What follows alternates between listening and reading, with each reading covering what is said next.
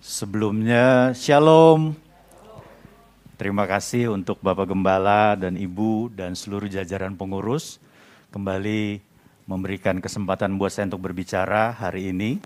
Saya ingat banget waktu itu tahun 2020 terakhir saya bicara itu tahu, eh, tanggal 23 Maret kalau nggak salah ya. Setelah itu kan kita apa ya masuk dalam masa pandemik di mana semua gereja juga uh, tutup ya. Sempat berapa lama waktu itu. Kemudian pelayanan di sini kembali tapi melalui taping ya Pak ya. Saudara yang dalam Tuhan, saya percaya situasi yang kita hadapi hari-hari ini tentunya tidak akan merubah Tuhan yang kita sembah. Yang setuju katakan amin. Tentunya juga tidak merubah firman yang pernah dia ucapkan. Nah ini penting sekali dalam kehidupan kita supaya apa? Supaya kita memiliki pengharapan dalam hidup ini. Pengharapan itu menjadi penting dalam kehidupan kita. Kenapa saudara? Karena selama masa di dunia ini kita masih menghadapi berbagai pergumulan. Setuju saudara ya? Saya percaya kita menghadapi tahun yang baru kita punya pengharapan yang baik, kita bersuka cita, kita melepas tahun yang lama 2021 dengan segala pergumulannya dan masuk dalam tahun 2022 ini kita memiliki pengharapan yang luar biasa, sukacita dan juga kita punya doa, punya apalagi eh, janji-janji di hadapan Tuhan dan sebagainya. Tetapi tahukah saudara di tahun ini pun juga ada pergumulan. Enggak ada yang amin saudara. Karena apa saudara? Itu pergumulan. Ya. Tapi saya mau katakan saudara, saudara, secara realita, kehidupan kita masih menghadapi semuanya itu.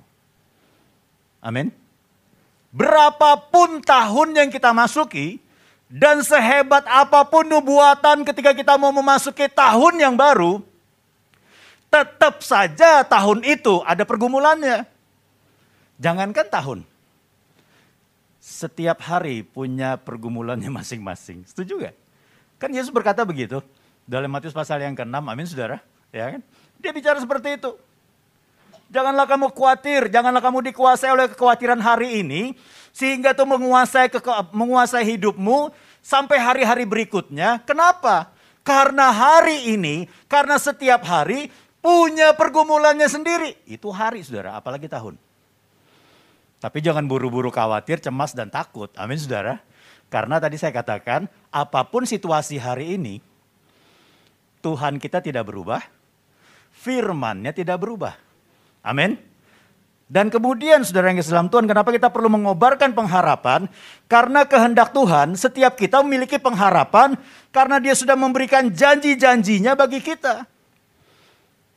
Saya uh, sering kali bicara, baik di taping maupun secara langsung begini saudara ya. Dalam masa pandemik ini kita sekolah bareng. Amin. Tidak ada yang meng, tidak mengalami dampaknya. Semua mengalami dampaknya. Baik dalam dunia bisnis, baik dalam dunia ekonomi, keuangan, dalam bidang apa pun kesehatan terutama. Semua mengalami dampaknya. Nah saudara yang dalam Tuhan kalau kita bisa melihat di sini bahwa setiap apa pun situasi yang kita hadapi, ada janji-janji Tuhan yang sudah menjamin kehidupan kita. Supaya apa? Supaya kita tetap memiliki pengharapan. Karena ketika kita memiliki pengharapan, maka semua apa pun yang kita miliki akan menjadi potensi dalam hidup kita. Amin. Bukankah ada orang-orang yang justru ketika masa pandemik mereka muncul, berhasil, sukses. Tapi banyak juga ketika masa pandemik terpuruk, hancur, dan terkapar. Kita mau jujur seperti itu, amin. Nah saudara yang kasih dalam Tuhan, kalau mau bicara contoh banyak sekali saudara. Baik di dalam jemaat maupun dari kesaksian-kesaksian orang lain. Ada yang sukses, berhasil, bahkan pindah mata usaha, lebih berhasil daripada dia bekerja pada saat dia memasuki sebelum masuk pada masa pandemi. Tapi ada juga orang yang bahkan banyak sekali orang yang terpuruk ketika masuk masa pandemi. Lalu apa yang membedakannya? Pengharapan orang itu. Apalagi kita punya janji-janji Tuhan. Kemudian yang berikutnya, pengharapan memampukan kita untuk memiliki kesabaran dan keteguhan hati. Ketika kita memiliki pengharapan, maka kita memiliki kesabaran. Karena apa? Kita tahu masa pandemik pasti berakhir. Yang setuju katakan amin. Masa pandemik pasti berakhir dan Tuhan memulihkan segala sektor yang terpukul dengan hikmat dan pertolongan Tuhan. Pengharapan itu membuat kita memiliki uh, apa ya semangat untuk memasuki masa depan. Kalau kita nggak punya pengharapan, saudara, saudara punya potensi, saudara punya orang-orang yang hebat, saudara punya pengalaman yang bagus di masa lalu. Ketika pengharapanmu pupus dari kehidupanmu, maka semua potensi itu sepertinya tidak berguna. Karena apa? Tidak punya pengharapan lagi. Saudara yang dalam Tuhan, sektor yang paling yang salah satu sektor yang paling terpukul adalah gereja. Setuju nggak saudara? Ya, banyak gembala-gembala menutup gerejanya. Bahkan saya sempat ditawarin untuk membeli sebuah gedung, nggak tahu berapa lantai, empat lantai kalau tidak salah, di daerah Jakarta uh, kurang lebih sekitar berapa 22 M atau berapa begitu. Karena apa? Kosong. Padahal saya lihat gereja itu gereja yang megah pada masanya. Belum lagi gereja-gereja yang kecil, saudara. Ketika tidak ada ibadah, yang terpukul siapa? Ini bicara masalah uh, ini, saudara, kehidupan ya. Yang terpukul siapa? Gembalanya. Saudara yang gak dalam Tuhan, makanya pada saat awal pandemik terjadi, saya berdoa sama Tuhan. Tuhan, saya mau berbuat sesuatu. Dari hal yang kecil sekalipun, saya mau berbuat sesuatu. Paling tidak bisa menjawab beberapa kebutuhan dari orang-orang yang mengalami ataupun yang terkena dampak negatif. Salah satunya adalah gembala-gembala. Selebihnya ada banyak lagi beberapa golongan orang yang sempat kita tolong pada saat itu, saudara. Ya. Nah, saudara yang gak dalam Tuhan, kembali lagi saya mau katakan, biarkan pengharapan itu senantiasa berkobar dalam kehidupan kita. Karena apa? Karena memampukan kita untuk memiliki kesabaran, keteguhan hati. Nah, saudara yang gak dalam Tuhan, tetapi sering kali pengharapan itu seolah-olah penuh dengan ketidakpastian. Nah kalau kita berbicara tentang ketidakpastian, ketidakpastian itu dari siapa? Dari Tuhan atau dari diri kita? Dari Tuhan atau dari situasi yang ada? Dari Tuhan atau dari orang-orang sekitar kita? Dari mana saudara? Bukan dari Tuhan. Setiap firman Tuhan dikatakan oleh Rasul Paulus, ya dan amin. Artinya apa? Pas, pasti. Artinya apa? Pasti akan mendatangi engkau. Artinya apa? pasti digenapi dalam kehidupanmu. Itu kepastian dari Tuhan. Ketidakpastian itu sering kali muncul dari dalam kehidupan kita. Kenapa? Nah, ini alasannya apa? Ya. Karena sering kali pengharapan yang terwujud menjadi kenyataan bukan berdasarkan apa saudara? Ekspektasi kita. Dan hitungan waktu kita dengan Tuhan. Tetapi waktunya Tuhan. Ya, kita ingin, wah pengharapan kita luar biasa. Bukankah Tuhan itu maha tahu? Bukankah Tuhan itu memberkati? Bukankah Tuhan itu menjagai kita? Bukankah Tuhan itu juga memelihara kita? Kalau saudara pahami dengan baik, banyak orang-orang Kristen yang taat, bahkan hamba-hamba Tuhan pun terpapar. Saya tidak memberusaha untuk menakut-nakutin saudara, enggak. Tapi kita membuka fakta bahwa di dalam segala situasi, biarkan pengharapan kita itu menjadi pasti karena apa? Karena kita menyandarkan baik waktu ketika Tuhan menjawab doa kita maupun kualitas dari jawaban itu harus datang dari Tuhan. Bukan berdasarkan hitungan kita. Katakan amin. Tadi saya cerita dengan Bapak Gembala. Saya punya teman, saudara. Teman saya ini rumahnya dipakai buat persekutuan. Berlibur, berlima. Sudah vaksin dua kali. Terus juga sudah dapat vaksin yang ketiga. Ya. Sudah uh, apa uh, dari beberapa waktu ini kan sudah ada ya, Saudara ya. Nah, Saudara yang Islam Tuhan, apa yang terjadi? Ketika dia pulang liburan, tiga sakit, dua negatif. Sudah bisa bayangkan, satu tempat, satu hotel, kamarnya cuma bersebelahan.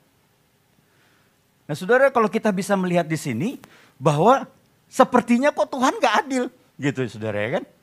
Rumah udah dipakai persekutuan, orangnya cinta Tuhan, bahkan sudah menjaga kesehatan, ya.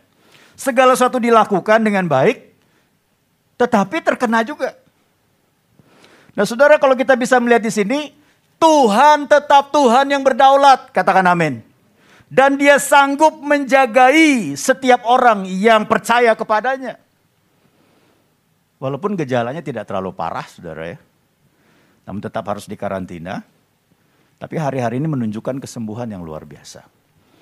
Artinya begini loh saudara ya. Saya sama sekali saya tidak punya maksud untuk menakut-nakuti kita. Enggak.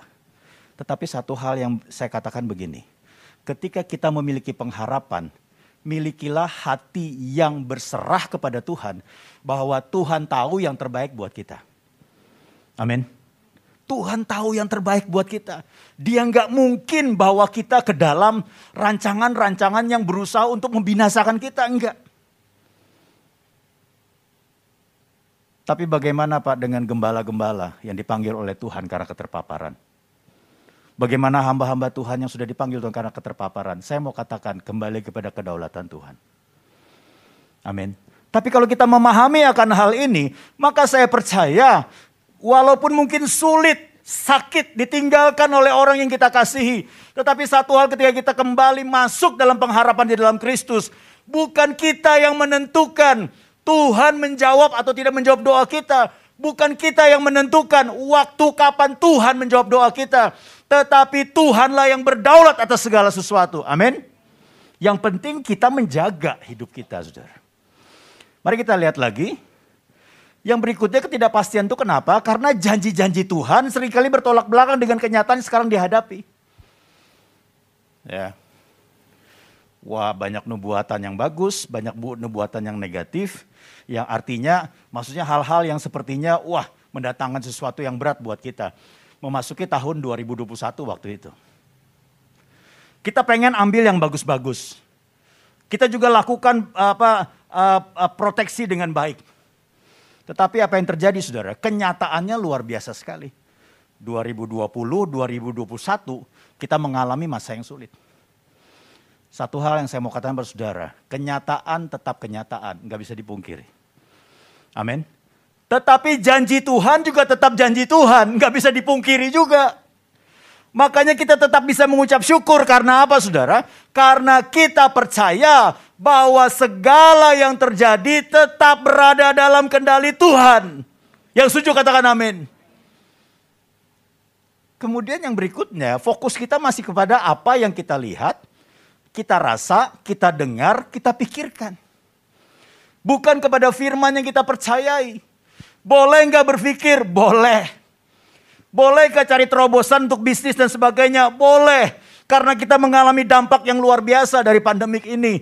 Boleh, boleh. Tetapi perhatikan baik-baik kalau engkau mau membangun pengharapan, membangkitkan pengharapan, jangan hanya terfokus kepada apa yang kau lihat, rasa, dengar, pikirkan saja. Tetapi berfokuslah kepada apa yang Tuhan katakan. Saya tidak melarang saudara melihat segala sesuatu.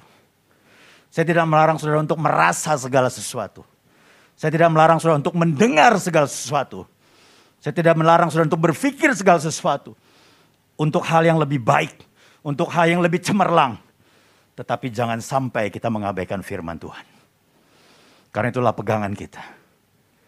Dan kenapa ketidakpastian itu menyerang dalam kehidupan kita? Karena apa?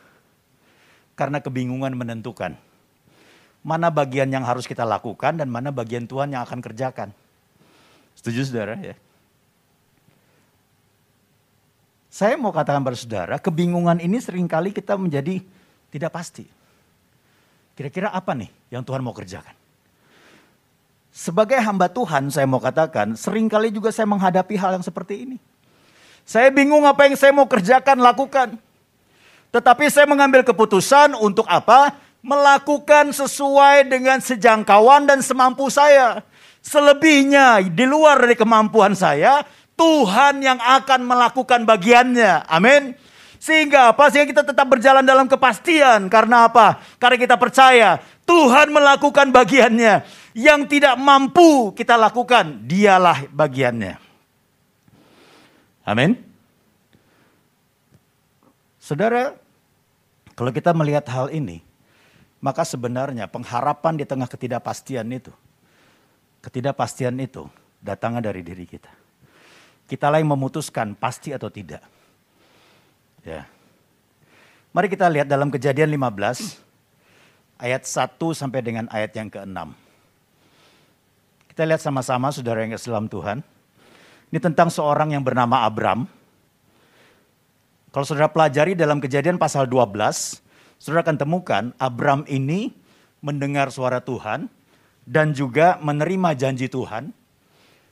Janji yang luar biasa ada dua janji yang Tuhan berikan. Aku akan memberikan tanah, aku akan memberikan anak atau keturunan. Dan bagaimana kualifikasi atau kualitas tanah dan keturunan itu dijelaskan. Dikatakan apa? Tanah itu kalau saudara lihat ayat-ayat berikutnya ataupun kitab-kitab berikutnya selalu digandeng dengan kata yang berlimpah susu dan madunya. Bahkan keturunannya bagaimana yang diberikan oleh Tuhan bukan keturunan yang biasa. Tetapi apa? Keturunan yang ketika orang memberkati keturunan ini, orang itu akan diberkati. Bahkan oleh keturunanmu, semua bangsa mendapat berkat.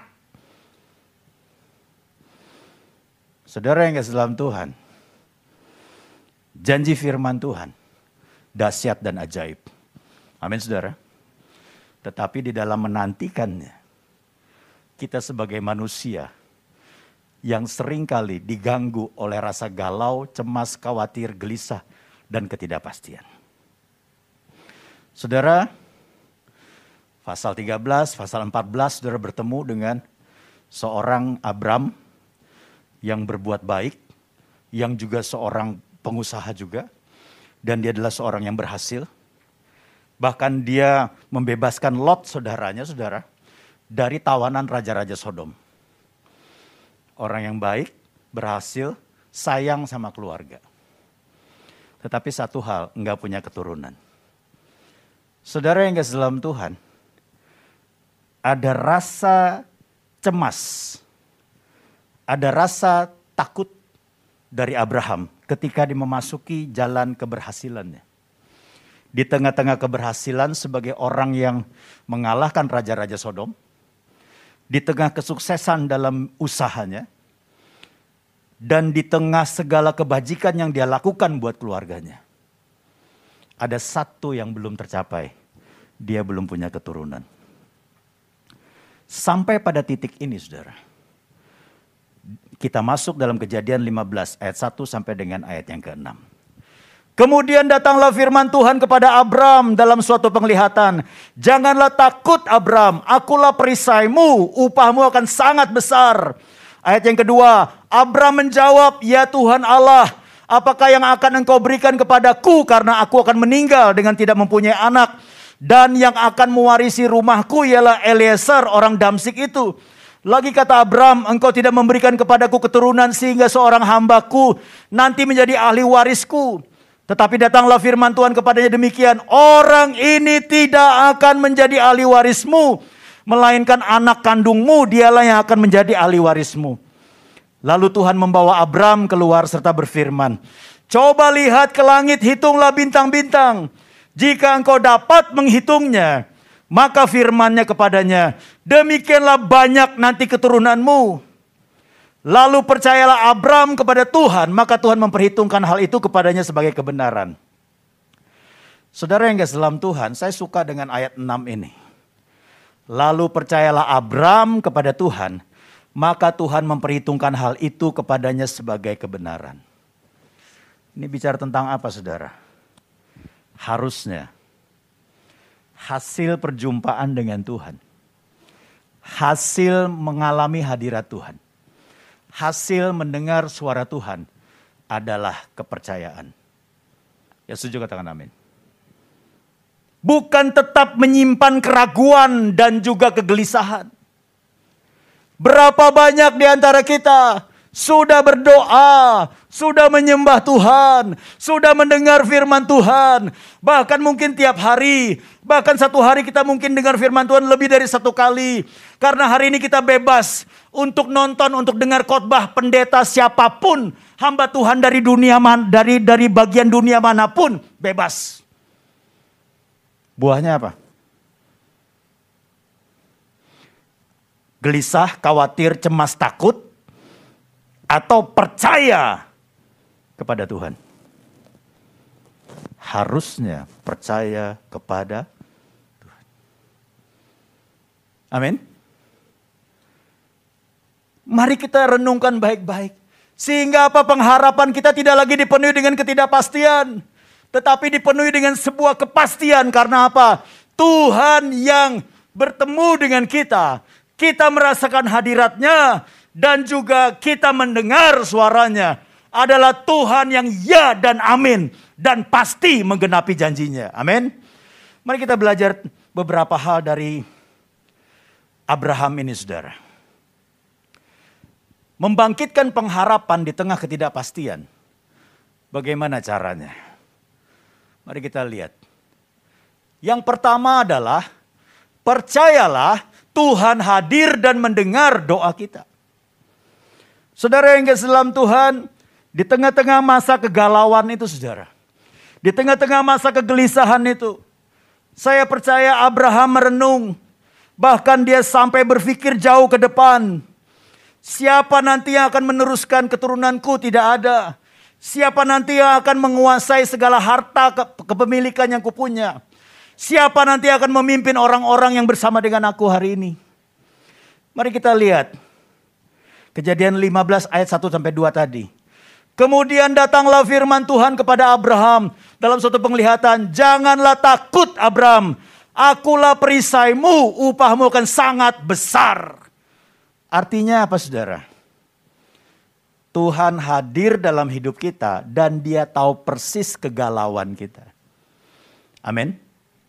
Dia kata kalimat pertama yang diucapkan apa saudara? Jangan, jangan takut. Karena apa? Karena Tuhan hadir. Tuhan menyertai kita. Dia ada bersama dengan kita. Kitalah yang sering tidak merasakan kehadiran Tuhan. Karena apa? Kita terlalu fokus dengan apa yang kita hadapi hari ini. Sehingga kita lupa bahwa Tuhan itu begitu dekat dengan kita. Tuhan katakan apa? akulah perisaimu. Upahmu akan sangat besar. Upah ini bukan bicara masalah materi, saudara. Tapi apa yang dia janjikan tergenapi. Karena itu adalah otoritas daripada Tuhan sendiri. Amin. Bahkan dia mendengar doa dikatakan begini saudara. Ayat yang kedua. Abraham menjawab, ya Tuhan Allah Apakah yang akan kau berikan kepadaku karena aku akan meninggal dengan tidak mempunyai anak? Dan yang akan mewarisi rumahku ialah Eliezer orang Damsik itu.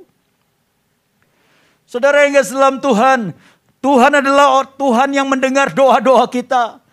Seringkali kita berkata begini, kalau doa itu harus yang positif. Kalau doa itu harus dengan kalimat dan kata yang bagus. Saya mau katakan, Doa yang terhubung dengan Tuhan adalah doa yang lahir dari hati. Dan hati itu nggak pernah bisa bohong. Amin saudara. Hati itu senantiasa terbuka di hadapan Tuhan. Bukankah firman Tuhan berkata, hati manusia terbuka di hadapan Allah. Amin. Makanya ketika manusia berdoa, berdoalah dengan sepenuh hati. Apa isinya? Wah ini kan jadi masalah. Kita nggak boleh yang negatif kalau ngomong sama Tuhan. Nggak boleh berkeluh kesah. Nggak boleh mempertanyakan Tuhan.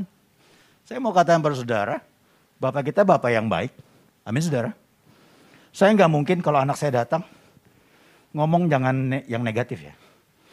Ngomong yang membangkitkan semangat papi dong.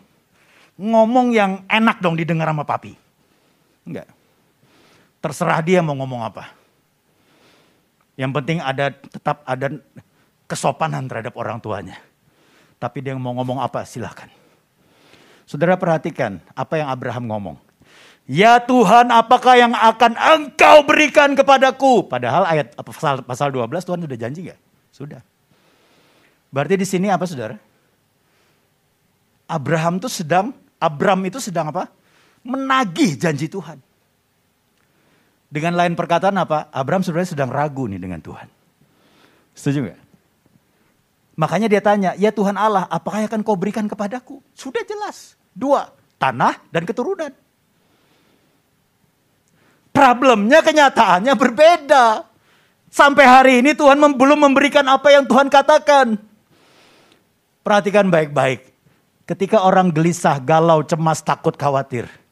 Biasanya pikirannya menerawang untuk masa depan. Nanti akan begini. Nanti akan begini. Nanti akan begini. Pasti akan begini. Saudara perhatikan baik-baik. Abraham juga mengalami demikian. Karena aku akan meninggal dengan tidak mempunyai anak. Dan yang akan mewarisi rumahku ialah Eliezer orang Damsik. Orang yang gelisah, galau, cemas, khawatir, takut, bahkan mungkin sedikit meragukan Tuhan. Dia cenderung untuk menerawang. Nah problemnya adalah hasil terawangannya negatif. Problemnya adalah hasil terawangannya itu tidak sesuai dengan apa yang Tuhan katakan. Pernahkah Tuhan berkata, jika engkau tidak, melahir, tidak melahirkan keturunan, maka Eliezer yang akan mewarisi. Pernah begitu? Enggak pernah. Itu datang dari mana? Pemikiran Abra, Abraham. Bukan dari Tuhan. Saudara yang guys dalam Tuhan. Abraham dapat gelar apa saudara? Sahabat Allah. Abraham dapat gelar apa saudara? Bapak orang beriman. Setuju saudara ya? Tapi Abraham memiliki peperangan yang sama dengan kita. Yaitu apa? Galau, khawatir, cemas, takut. Walaupun sudah menerima janji Tuhan. Peperangannya sama. Jadi kalau saudara memiliki kegalauan, kekhawatiran, kecemasan, keraguan tentang Tuhan, jangan takut karena Tuhan itu memahami apa yang menjadi keadaan hatimu. Amin. Karena dia tahu kita ini masih manusia daging. Kita masih punya bisa melihat segala sesuatu, merasa segala sesuatu, mendengar segala sesuatu, memikirkan segala sesuatu. Tetapi percayalah bahwa Tuhan hadir dan mendengar doa kita. Yang setuju katakan amin. Di dalam ulangan pasal 31 ayat 8 dikatakan begini saudara. Dikatakan begini ya. Saya ya sudah ditampilkan. Sebab Tuhan dia sendiri akan berjalan di depanmu. Dia sendiri akan menyertai engkau. Dia tidak akan membiarkan engkau dan tidak akan meninggalkan engkau. Janganlah takut dan janganlah patah hati. Ayat ini merupakan perkataan Musa kepada Yosua untuk meneruskan kepemimpinan terhadap bangsa Israel yang akan masuk ke tanah Kanaan. Yosua ketika menerima tanggung jawab yang begitu besar di pundaknya, dia merasa tak, takut, dia merasa tawar hati, dia merasa gentar, saudara. Tetapi dikatakan sebab Tuhan dia sendiri akan berjalan di depanmu. Dia sendiri akan menyertai engkau. Dia tidak akan membiarkan engkau dan tidak akan meninggalkan engkau. Janganlah takut dan janganlah patah hati. Saya tidak tahu tanggung jawab apa di pundak saudara. Sebagai kepala rumah tangga, di pundak saudara tanggung jawab. Ada keluarga yang harus kau hidupi. Sebagai pemimpin-pemimpin perusahaan, engkau punya tanggung jawab. Ada banyak karyawan yang saudara harus hidupi. Sebagai gembala, pemimpin-pemimpin gereja, kita punya tanggung jawab supaya supaya domba-domba boleh mendapatkan makanan yang sehat, segar, dan juga memenuhi kehidupan mereka. Ada tanggung jawab yang besar. Percayalah, Tuhan hadir dan dia mendengar doa. Sehingga engkau dapat menuntaskan setiap tanggung jawab yang kau miliki. Jangan gentar. Amin saudara. Yang kedua, mari kita lihat. Yang kedua adalah percayalah Tuhan setia terhadap janjinya. Ayat 3 sampai dengan 4 dikatakan begini. Lagi kata Abraham, engkau tidak memberikan kepadaku keturunan. Sehingga seorang hambaku nanti menjadi ahli warisku. Dikatakan demikian. Saya mau katakan kalau pemikiran saudara sudah mulai menerawang jauh. Yang dasarnya adalah keraguan terhadap janji Tuhan kegelisahan, ketakutan, kecemasan, kekhawatiran. Saudara yang harus menentukan batasnya dan katakan berhenti. Amin. Saya ulangi ya. Kalau karena ketakutan, keraguan terhadap Allah, lalu engkau khawatir, cemas, dan mengalami serangan rasa takut yang luar biasa, lalu engkau menerawang masa depanmu sendiri. Dan jeleknya masa depannya itu adalah negatif, kehancuran, ataupun kebangkrutan, Katakan kepada pikiran saudara, berhenti. Kenapa saudara? Karena sering kali pikiran kita akan mempola kita, bahkan dikatakan bisa menjadi mental block bagi kita, sehingga kita sulit untuk bergerak bersama dengan Tuhan. Nanti saya akan buktikan bagaimana cara Tuhan untuk menghancurkan mental block dari Abraham yang sedang galau. Nah saudara engkau tidak memberikan kepadaku, dikatakan apa? Engkau tidak memberikan kepadaku keturunan. Padahal pasal 12 Tuhan bicara apa?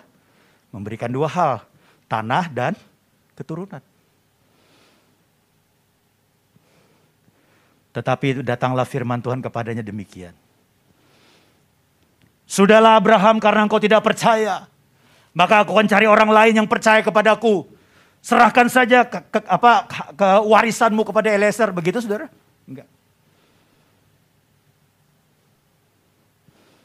Karena Tuhan marah dengan Abraham karena Abraham merasa meragukan, bahkan berkata, "Engkau tidak memberikan kepadaku keturunan." Enggak. Amin Saudara. Bapak kita di surga enggak murka. Tetapi dia berkata begini, dia menegaskan. Orang ini tidak akan menjadi ahli warismu, melainkan anak kandungmu. Dialah akan menjadi ahli warismu. Tuhan konsisten dengan apa yang dia katakan. Tuhan berbicara sesuai dengan apa yang dia firmankan terlebih dahulu. Amin. Dia tetap tegak dengan apa yang dia pernah katakan dalam kehidupan saudara. Apa pun situasinya, sebesar apa pun kegalauanmu, sebesar apa pun kegelisahanmu, tidak akan pernah merubah firman Tuhan. Yang setuju katakan amin. Makanya tadi saya katakan, Ketika pikiran kita sudah mulai terlalu jauh menerawang tentang masa depan kita dengan hati yang penuh keraguan dan bahkan tidak percaya dengan Tuhan. Katakan berhenti. Jangan terus di, di, di apa? Didramatisir. Perhatikan penggemar drakor. Ini biasanya pikirannya suka menerawang. Wah nanti begini nih. Nanti begini nih. Kayak serial drama Korea nih. Rumah tangga gue begini nih. Begini nih berhenti. Yang setuju katakan amin. Jangan diikutin. Bilangan 23 19 dikatakan begini. Allah bukanlah manusia sehingga ia berdusta bukan anak manusia sehingga ia menyesal. Masakan bersama-sama kita katakan, masakan ia berfirman dan tidak melakukannya atau berbicara dan tidak mendepatinya. Amin. Dia bukan manusia dan bukan anak manusia yang gampang hilaf. Oh, gua hilaf waktu itu. Waktu gua ngomong janji sama lu mau berkati, ya gua hilaf. Waktu itu proyek gua lagi diambang kesuksesan, tapi sekarang masa pandemik ya berarti udah nggak jadi. Karena manu, manusia yang terbatas. Amin, saudara. Jangan salahkan, saudara. Banyak yayasan-yayasan, sekolah-sekolah teologi, panti-panti asuhan ditinggalkan oleh donaturnya. Karena apa? Mereka juga punya pergumulan. Karena bisnis tadi yang dia, dia di, diprediksi angkanya bagus, masuk masa pandemik, drop. Mereka punya kesulitan dalam masalah financial. Nggak bisa bantu lagi yayasan-yayasan dan juga sekolah-sekolah teologi. Kenapa? Karena memang mereka manusia. Jangan salahkan mereka. Mereka punya keterbatasan. Tetapi Tuhan yang kita sembah adalah Tuhan yang berjanji, dia pasti menepati. Setuju katakan amin. Hal yang ketiga yang terakhir. Percayalah Tuhan melampaui pikiran kita. Kejadian 15 ayat 5. Lalu Tuhan membawa Abram keluar serta berfirman, Coba lihat ke langit, hitunglah bintang-bintang. Jika engkau dapat menghitungnya, maka firmannya kepadanya, demikianlah banyaknya nanti keturunanmu. Keturunan Abraham diumpamakan tiga hal. Seperti bintang di langit, seperti uh, pasir di tepi laut, dan la, sebagaikan debu. Kira-kira siapa yang bisa menghitung bintang, pasir, dan debu? Gak bisa. Saudara. Ini bicara tentang apa? Ini bicara keturunanmu melampaui apa yang kau pikirkan.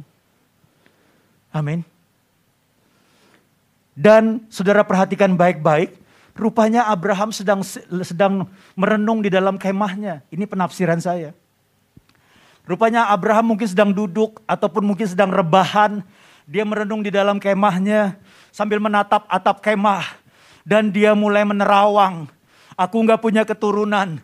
Tuhan tidak memberikan keturunan kepadaku. Nanti yang mewarisi segala sesuatu yang kupunya. Maka Eliezer lah yang akan mewarisi orang Damsik. Itulah yang akan mewarisi.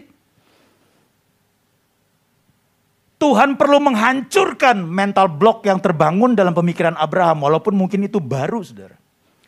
Lalu Tuhan membawa Abraham keluar serta berfirman. Ini bukan hanya bicara masalah keluar kemah. Ini bukan bicara masalah melihat dan menghitung bintang.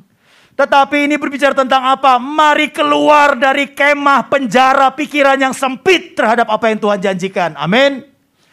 Mari keluar dari penjara-penjara yaitu kemah-kemah pemikiran yang kita bangun karena ketakutan, kekhawatiran, kecemasan, keraguan dan ketidakpercayaan kepada Tuhan. Membuat mental kita mengalami blok nggak bisa bergerak apa-apa. Pandemik akhir dari segala-galanya.